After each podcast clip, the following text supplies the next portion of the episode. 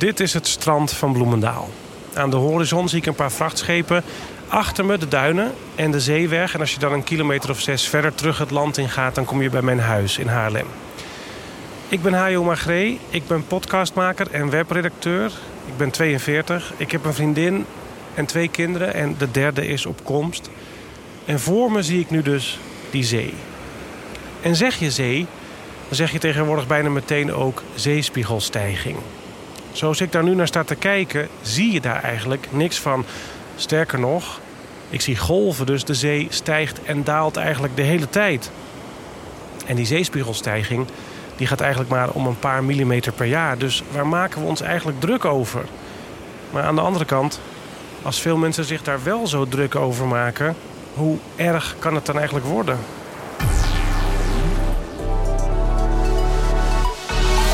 Over water en klimaat, de toekomst van onze delta. De zeespiegel stijgt, maar hoe weten we dat zo zeker? Of weten we dat helemaal niet zeker? En heeft Nederland dit probleem wel in de hand? Zijn we wel goed voorbereid? Deze aflevering gaat over zeespiegelstijging. En ik praat daarover met twee mensen die daar alles vanaf weten. Wat doen we in Nederland om te zorgen dat we droge voeten houden? Hoe zorgen we voor voldoende water in droge tijden? Is Nederland voorbereid op een veranderend klimaat? Daarover praten we in Over Water en Klimaat, de podcast van het Delta-programma. En voor deze podcast ga ik op zoek naar de mensen die antwoorden hebben op mijn klimaatvragen. En die mensen die spreek ik hier in Goes tijdens het Delta-congres in de Zeelandhallen. Ik maak deze podcast in opdracht van het Delta-programma. Daarin staan de plannen van de overheid om Nederland te beschermen tegen overstromingen, te zorgen voor genoeg zoetwater en te zorgen dat we ons land zo inrichten dat we voorbereid zijn op grotere droogte, hogere temperaturen en hardere regenbuien. En deze aflevering gaat dus over zeespiegelstijging. Mijn gasten zijn Rob van Doorland en Titus Livius. We hebben afgesproken dat ik je mag zeggen. Rob, ik begin even bij jou. Jij werkt bij het KNMI. Ehm, kan je kort voor iemand die daar niet zoveel van af weet uitleggen wat je daar doet? Ja, ik ben vooral bezig met uh, kennis op het gebied van klimaat uh, naar buiten te brengen. Naar ministeries, uh, naar instellingen in het land die daar verder mee, mee kunnen, aan de slag kunnen. En wat voor kennis hebben we het dan bijvoorbeeld? Dan hebben we het over kennis over, over klimaatverandering in het algemeen. En zeespiegelstijging is daar één van. Oké, okay, dankjewel. Met Rob gaan we zo meteen de laatste wetenschappelijke stand van zaken... met betrekking tot zeespiegelstijging doornemen. Eerst even naar mijn andere gast, Titus Liefjes. Jij werkt bij het ministerie van Infrastructuur en Waterstaat als directeur waterveiligheid en klimaatadaptatie. Kan je mij eens uitleggen waar je je dan zoal mee bezighoudt? Ja, een van de dingen is uh, dat uh, wij ons bezighouden met de normen. Waar dijken bijvoorbeeld aan moeten voldoen. Of de veiligheidsnormen aan de kust. heel veel vragen die wij moeten beantwoorden gaan ook over geld. de minister die moet beslissen hoe ze de middelen uit het Deltafonds besteedt. Nou, ik, heb er, ik ben er wel druk mee bezig. Onder andere met dat kennisprogramma waar het vandaag ook veel over gaat. Straks hoor je trouwens ook nog een reportage van onze verslaggever Richard Grootbot vanuit Dordrecht. Rob van Doorland van het KNMI, ik ga eerst naar jou. Laten we eens doornemen hoe het er eigenlijk voor staat dan met die zeespiegelstijging. Jij houdt dat als wetenschapper, neem ik aan, nauwlettend in de gaten. Maar je staat niet de hele dag op het strand de zee te meten, neem ik aan. Hoe, hoe ziet jouw werkdag eruit? Nou, mijn werkdag is inderdaad niet het meten, maar uh, vooral het uh, overleggen met experts, met de buitenwereld. Uh, het bijhouden van literatuur uh, en het organiseren van, uh, van allerlei zaken. Ook bijvoorbeeld de KNMI-scenario's, klimaatscenario's. Wat zijn die klimaat, klimaatscenario's? de KNMI-klimaatscenario's voor Nederland is in feite een doorvertaling van de IPCC-bevindingen naar het Nederlandse grondgebied, wat van belang is voor Nederland. En waarom, wat zijn er dan voor scenario's? Dat klinkt een beetje als een film, maar um, wat, hoe moet ik me dat voorstellen? Nou ja, het IPCC maakt scenario's. Dat betekent kijk naar de toekomst. Uh, bijvoorbeeld naar het jaar 2100. Uh, hoe de wereld er qua klimaat uitziet. En wij maken die doorvertaling naar het klimaat in Nederland. Ja, eind, je had het er al even over, hè? dat IPCC-rapport. Dat is eind september 2019 verschenen. Nieuw rapport, het Special Report on the Ocean and the Cryosphere in a Changing Climate. Als ik het allemaal precies goed zeg. Heb je daarin nou dingen gelezen die je nog niet wist? Nou, wat daar bijvoorbeeld in staat is dat uh, de bijdrage van, uh, van gletsjers, uh, de smelt van gletsjers en, en ijskappen, nu in feite de grootste term is. De grootste term? De, de grootste bijdrage levert aan, aan de zeespiegelstijging. En een andere grote bijdrage is de, de, de uitzetting van, van zeewater, omdat het warmer wordt.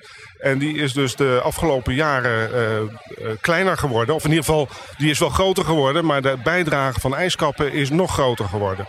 Eventjes nog eenmaal voor de mensen die dit zich nu proberen voor te stellen.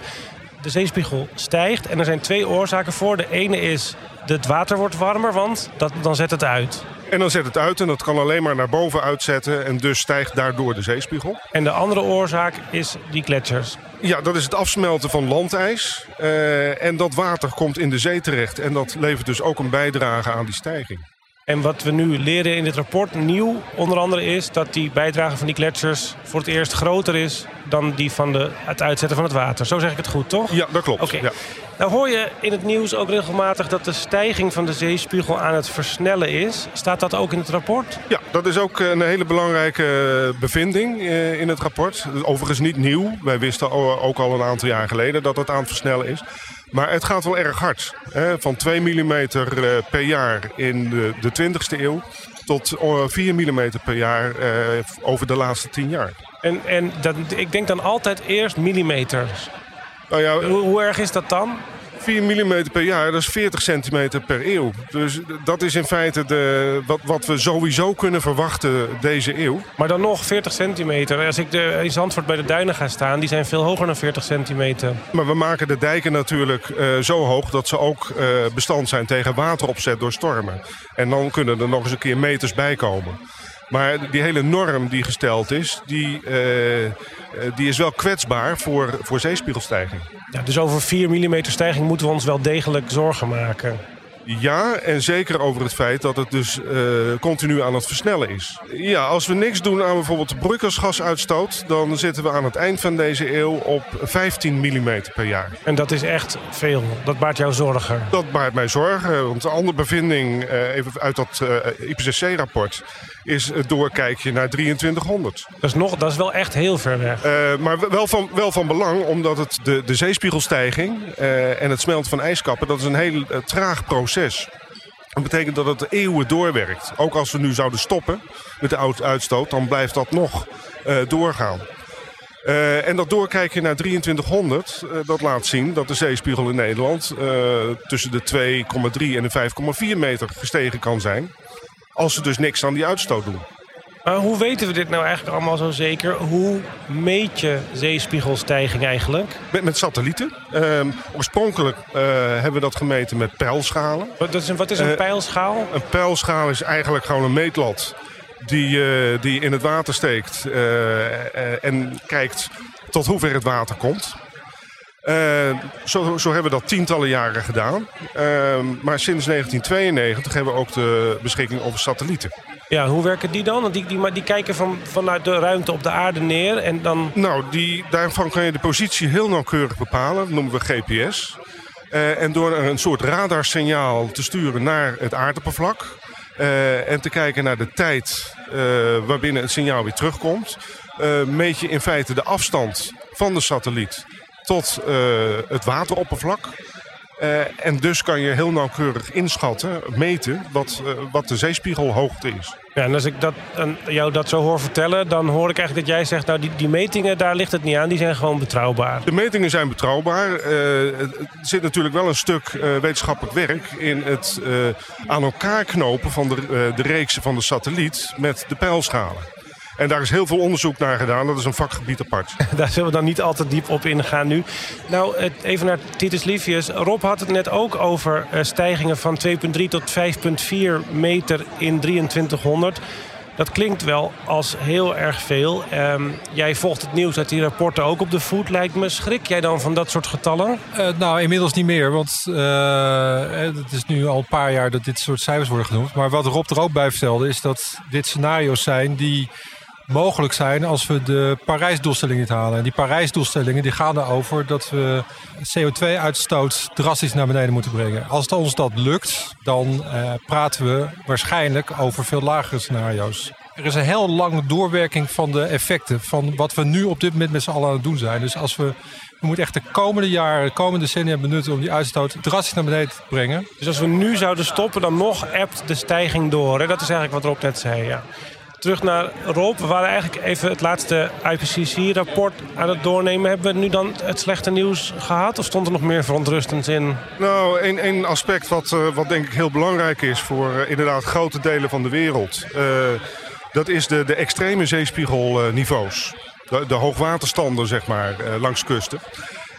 en door onderzoek uh, is komen vast te staan dat uh, de gebeurtenissen, hoogwatergebeurtenissen, die nu eens per 100 jaar uh, plaatsvinden, voor veel gebieden in 2050 al eens per jaar gaan plaatsvinden. Wat voor gebeurtenissen moeten we dan aan denken? Dat is, dat is in feite de optelsom van zeespiegelstijging met wateropzet, bijvoorbeeld door stormen. En ja, je kan voor elke plaats kan je vaststellen wat de één keer per 100 jaar gebeurtenis is. Uh, en uh, middels uh, toekomstprojecties kan je kijken hoe vaak dat dan gaat plaatsvinden. In bijvoorbeeld het jaar 2050. En als dat vaker gaat voorkomen, dan betekent dat? voor Nederland is het zo dat de, de, de variatie in zeespiegelniveaus, die is al enorm. En wij krijgen daar in de toekomst iets, iets later mee, mee te maken. Dus later dan 2050. Maar voor juist die gebieden waar die variatie klein is, zoals de tropen, maar ook de Middellandse Zee, daar, daar gaat dus die, die, die versnelling van eens per 100 jaar naar eens per jaar al, al uh, plaatsvinden in 2050. Die gaat eerder een groot verschil maken. Ja, ja precies. Ja. Um, en dan is de zeespiegelstijging ook nog eens niet overal op aarde even erg. Kan je me dat uitleggen? Ja, er zijn verschillende factoren waarom uh, de zeespiegel uh, niet overal even hoog staat. Uh, in eerste plaats de, de, de stromingen in, in het water. Net zoals in de atmosfeer hoge en lage drukgebieden ontstaan. Heb je dat ook min of meer in het water. En dat betekent dat die niveaus gewoon verschillend zijn. Ja, want de stroming stuwt dan de hoogte op in een bepaalde hoek bijvoorbeeld. Ja, zo zou je het kunnen noemen. Uh, en als die stromingspatronen veranderen, veranderen dus ook de, de snelheden van, van zeespiegelstijging in verschillende gebieden. Ja.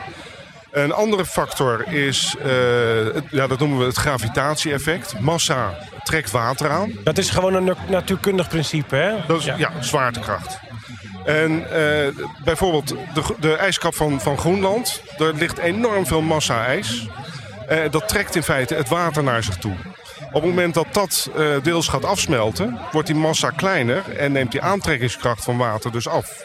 En dat betekent dat als er, uh, uh, als er voldoende afsmelt, dat in feite het zeespiegelniveau daar daalt ter plekke. Dus dat is een oplossing? Nou, ter plekke zou het een oplossing kunnen zijn, uh, waren het niet dat aan de andere kant van de aardbol uh, de zeespiegel juist hoger komt te staan. Ja, dus dan, als ik dat even doordenk, moeten wij ons juist zorgen maken over wat er ver bij ons vandaan smelt. Precies, dus wij moeten vooral kijken naar uh, de Antarctica, uh, naar die ijskap, wat daar gebeurt. En wat gebeurt daar dan, weten we dan? Nou, we weten dat niet zeker. En uh, dit rapport van het IPCC laat dat ook nog eens een keertje zien... dat daar de grootste onzekerheid zit. we weten dat dat in de toekomst versneld gaat afsmelten. Maar hoe snel, dat weten we niet precies. En dat heeft alles te maken met dat we de processen van afkalving dus van het in zee storten van ijskliffen, niet helemaal goed be begrijpen. Dus daar moet een hoop onderzoek nog naar gedaan worden. En dat onderzoek ga jij op de voet volgen. Dankjewel voor nu even, Rob van Doorland. We hebben nu dus zo'n beetje op een rijtje wat er eigenlijk aan verandering op ons afkomt. En dan moeten we het zo meteen ook maar eens over de oplossingen hebben. Maar eerst gaan we even naar onze reportage. Hoe moet je nou als burger omgaan met die stijgende zeespiegel? Anja van Wezenberg. Die woont in Dordrecht, een stad die voor een deel onder NAP ligt. Ze werkt voor een wijkkrant en komt de afgelopen jaren in haar stad steeds vaker mensen tegen die met de waterstand te maken krijgen. En hoogwater is voor haar een onderwerp waar ze zich steeds meer mee bezighoudt. Ergens heb je dat altijd al wel een, uh, in je achterhoofd. Ik bedoel, uh, het hele westelijke deel van Nederland ligt zo'n beetje beneden de zeespiegel. Dus uh, ja, als het een keer fout gaat, dan dan staat er ook meteen een, heel veel onder water. Dus. En ik ben uh, een paar jaar na de, de ramp van 53 opgegroeid. Dus met die verhalen ben je gewoon opgegroeid. Dus ja, eigenlijk uh, is dat een fact of life. Waar staan we nu? Want dit is... Het is een mooie visstijger waar we op staan. Aan het wantij heet het hier. Ehm, waarom heet dit wantij, Anja? Uh, het heet het wantij omdat het uh, ja, wan, om, slecht. Uh, het heeft een, uh, een, een, hele uh, rare getijdenwerking. Doordat het een verbindingsstuk is tussen twee rivieren. Dus met vloed komt het water van beide kanten hier het wandtij in. En met eb wordt het naar beide kanten weer in de richting van de rivieren gezogen. Dus je hebt hier heel veel getijdenwerking. En ook onvoorspelbare getijdenwerking. We staan hier op de steiger met een prachtig uitzicht, de ondergaande zon. We kijken over het stille water, de bomen in de verte. Onder ons het water. Nou, wat zal het zijn, Anja? 80, 90 centimeter, misschien een meter. Hoe hoog komt het hier dan wel eens? Ik heb het hier wel eens een, eh, een meter hoger zien staan dan het uh, nu staat. Maar ik heb het ook wel eens eh, een meter lager zien staan. Misschien nog wel twee meter lager dan het nu staat. Jij houdt je bezig met, met de gevolgen van zeespiegelstijging. Um, wat zou dat voor dit gebied dan betekenen? Hebben we hier dan ook al te maken met uh, ja, mogelijke dreiging van het water? Of zitten we hier hoog genoeg? Uh, nou, we hebben hier uh, tot nog toe het meeste te maken gehad met hoogwater vanuit het binnenland, vanuit de rivieren. Maar als de zeespiegel echt uh, gaat stijgen, dan denk ik dat we dat hier ook zeker gaan merken. Ook als er dan hoogwater komt vanuit het binnenland, dat dat minder makkelijk weg kan, omdat er dus uh, vanuit de zee eigenlijk meer barrière is om het water sneller af te voeren. Wat zou het voor gevolgen hebben voor Dordrecht? Jij bent je daarmee bezig gaan houden met wat, wat de, de gevolgen van zeespiegelstijging voor deze stad zou betekenen. Kun je iets uitleggen? Uh, de binnenstad van Dordrecht ligt een stuk lager nog dan dit gebied. En als het inderdaad hoogwater is, dan uh, zie je het water ook wel degelijk uh, over de kades komen bij Drie Rivierenpunt en de, de rest van de binnenstad, die dus rechtstreeks aan de rivier ligt. En dan, uh, ja, dan hebben wij hier nog een, een, paar meter speling. En dan uh, staat het daar op blank. En, Merk je dat het erger wordt in, in de afgelopen jaren? Ja, de extremen worden groter. Ik bedoel, uh, het is langer heet, langer droog. Maar als het slecht weer is, dan is het vaak ook, ook heftiger. veel langer en heftiger uh, regenbuien, dus de, de stormen zijn, uh, zijn heftiger dan je uh, eigenlijk vroeger gewend was. Ik heb het idee dat het weer op zich extremer wordt. Maakt het je zorgen? Um, ja, best wel. Ik bedoel, je ziet dat gewoon de hele natuur en het hele klimaat en, en alle ecosystemen gewoon te lijden hebben onder de te snelle, te grote veranderingen. En we zullen echt wat moeten gaan doen om uh, te proberen dat uh, ja, een halt toe te roepen. Of in elk geval uh, te vertragen. Het lijkt zo rustig, hè? Dat zo... Het is enorm vredig als je hier zo over uitkijkt. Het is moeilijk om je voor te stellen dat het dan ineens ja, een meter hoger kan staan. Uh, ja, met dit weer is het echt heel vredig. Maar als je hier gaat staan als, uh, als het flink stormt, dan kan het best spoken hier. Denk je dat het bij, bij uh, de lokale overheid dat dat al voldoende geland is, dit besef? Zeker wel, ja. Dat, uh, ze zijn er hier echt mee, echt mee bezig. Nou ja, dat zie je ook aan de uh, manier ze, waarop ze hier met de natuur omgaan. Met de biesbos. En in de binnenstad uh, heb je dus ook langs de voorstraat stutten tegen de, tegen de muren. Waar schotten ingeschoven kunnen worden. Dat ze bij hoogwater dus kunnen voorkomen dat het water verder de stad instroomt. En dat wordt, elk jaar wordt dat getest. Dus ja, er, eh, er wordt echt wel wel aan gedaan. Anja van Wezenberg was dat uit Dordrecht. Zelf woont ze in een wijk die niet meteen bedreigd wordt als het hoogwater is. Maar de rest van haar stad heeft er dus regelmatig mee te maken.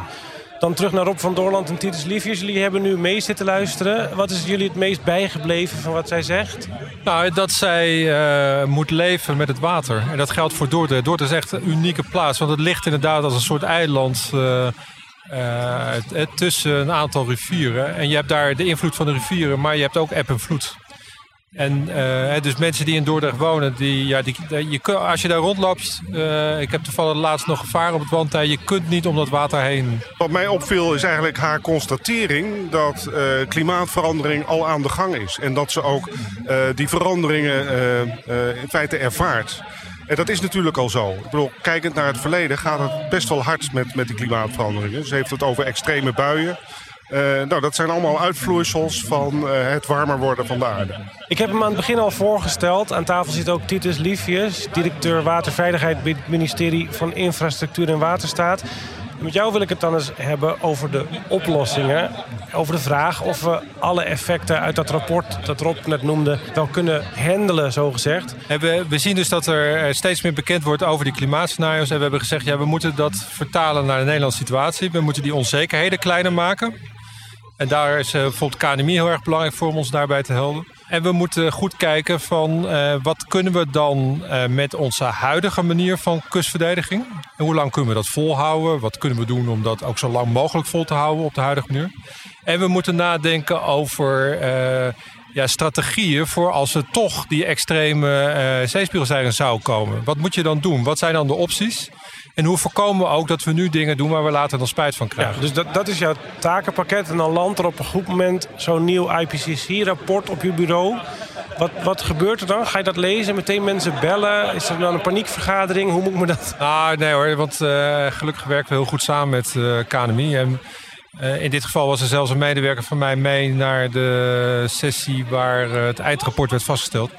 Dus dat is geen verrassing. Wel natuurlijk uiteindelijk, wat komt er nou precies te staan? Uh, maar we zijn hier al heel lang mee bezig. En uh, dit, omdat we ook weten dat dit speelt en dat we ook ons echt zorgen maken over die uh, klimaatverandering, hebben we gezegd, we moeten nu de komende jaren met alle partijen in het Delta-programma aan de gang om ons kennisniveau te verhogen. En ook echt gaan nadenken over die dingen die ik net genoemd heb. wat, wat, bedoel je als je zegt we moeten ons kennisniveau verhogen? We moeten gewoon meer te weten kopen over hoe dit spel gespeeld wordt? Of...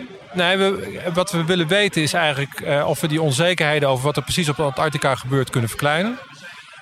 En iets anders wat we heel graag willen weten is van, nou, we hebben nu bijvoorbeeld de Oosterscheldekering. Die heeft een bepaalde levensduur.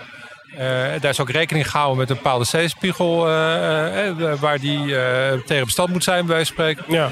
Stel nou dat we te maken krijgen met zeespiegelstijging. Wat kun je dan doen om bijvoorbeeld zo'n Oosterscheldekering zo lang mogelijk te kunnen gebruiken? Want bijvoorbeeld die Oosterscheldekering die is ook zo gebouwd dat die juist heel vaak open staat, zodat die natuur erachter ook... Ja.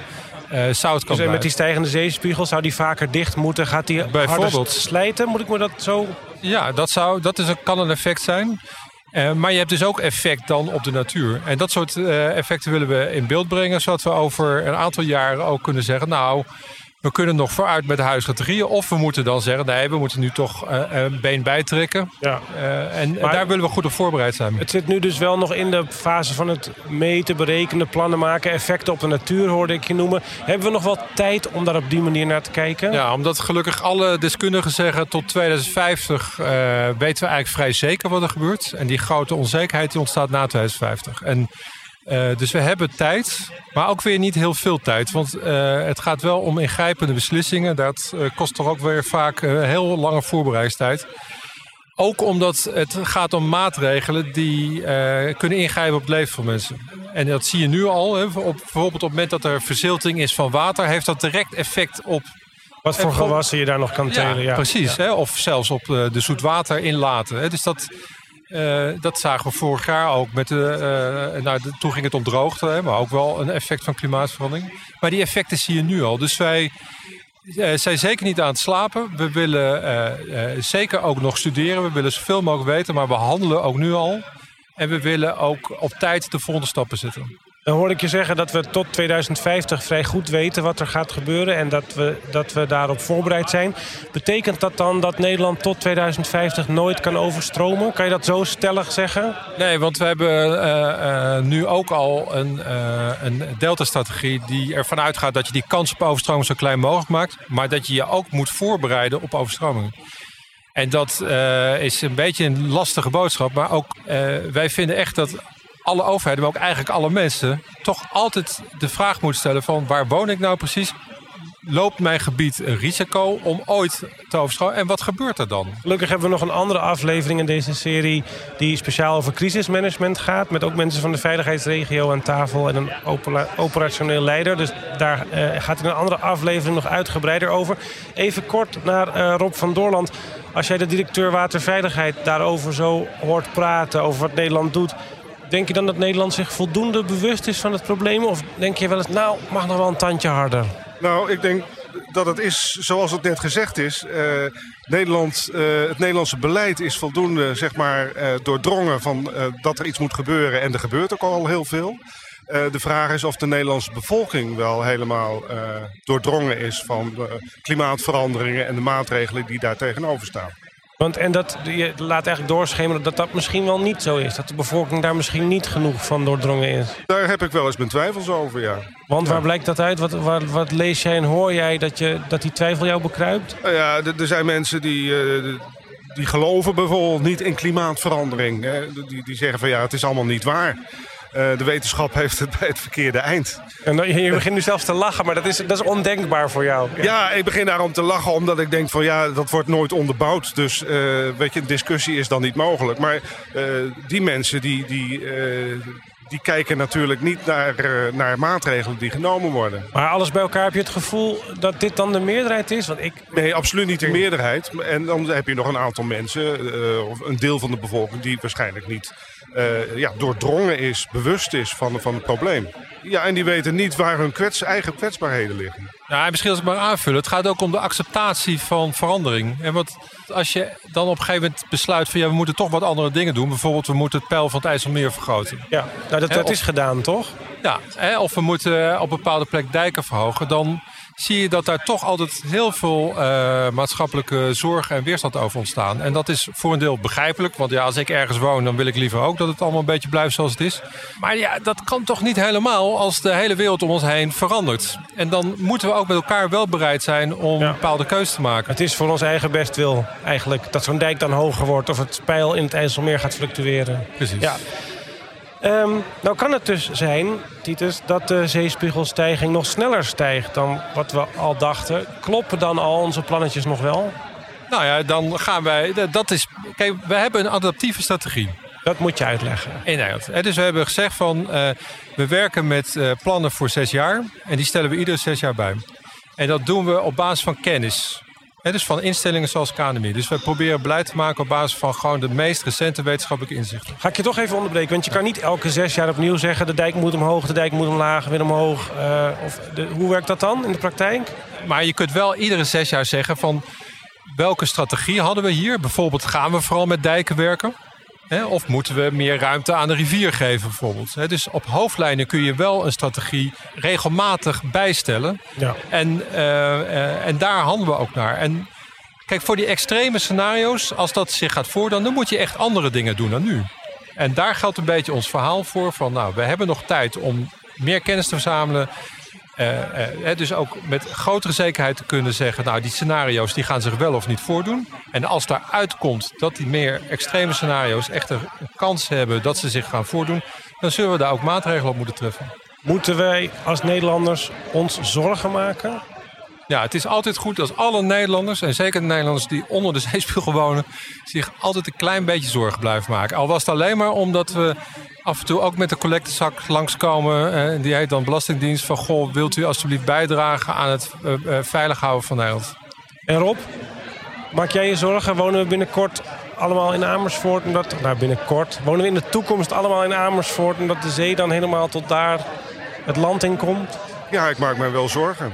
ik maak mij zorgen, zeker als we helemaal niks doen aan uh, de terugdringen van de uitstoot van broeikasgassen. En ik denk als je naar de zeespiegelstijgingscijfers kijkt, zeker op de lange termijn, dan is het essentieel dat we mondiaal uh, die uitstoot van broeikasgassen gaan terugdringen. Nee, ik, uh, ik, denk dat het heel goed dat dit gesprek nu wel breed wordt gevoerd. Daar ben ik eigenlijk wel blij mee. Dat, het, dat is wel iets denk van de afgelopen jaren. Dat je nu wel ziet dat er ook op tv, dat er is wel weer meer aandacht voor. Dat hebben we ook denk ik wel nodig.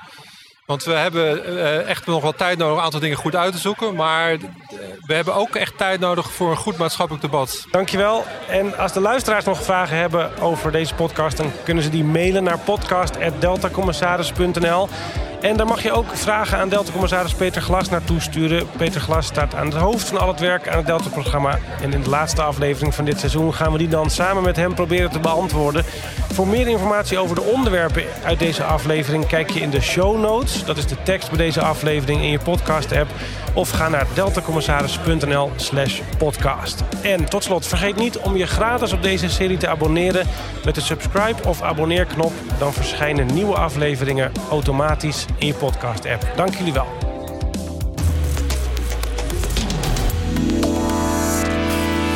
Over water en klimaat wordt gemaakt door de staf Delta Commissaris in samenwerking met Audiodroom Podcastproducties.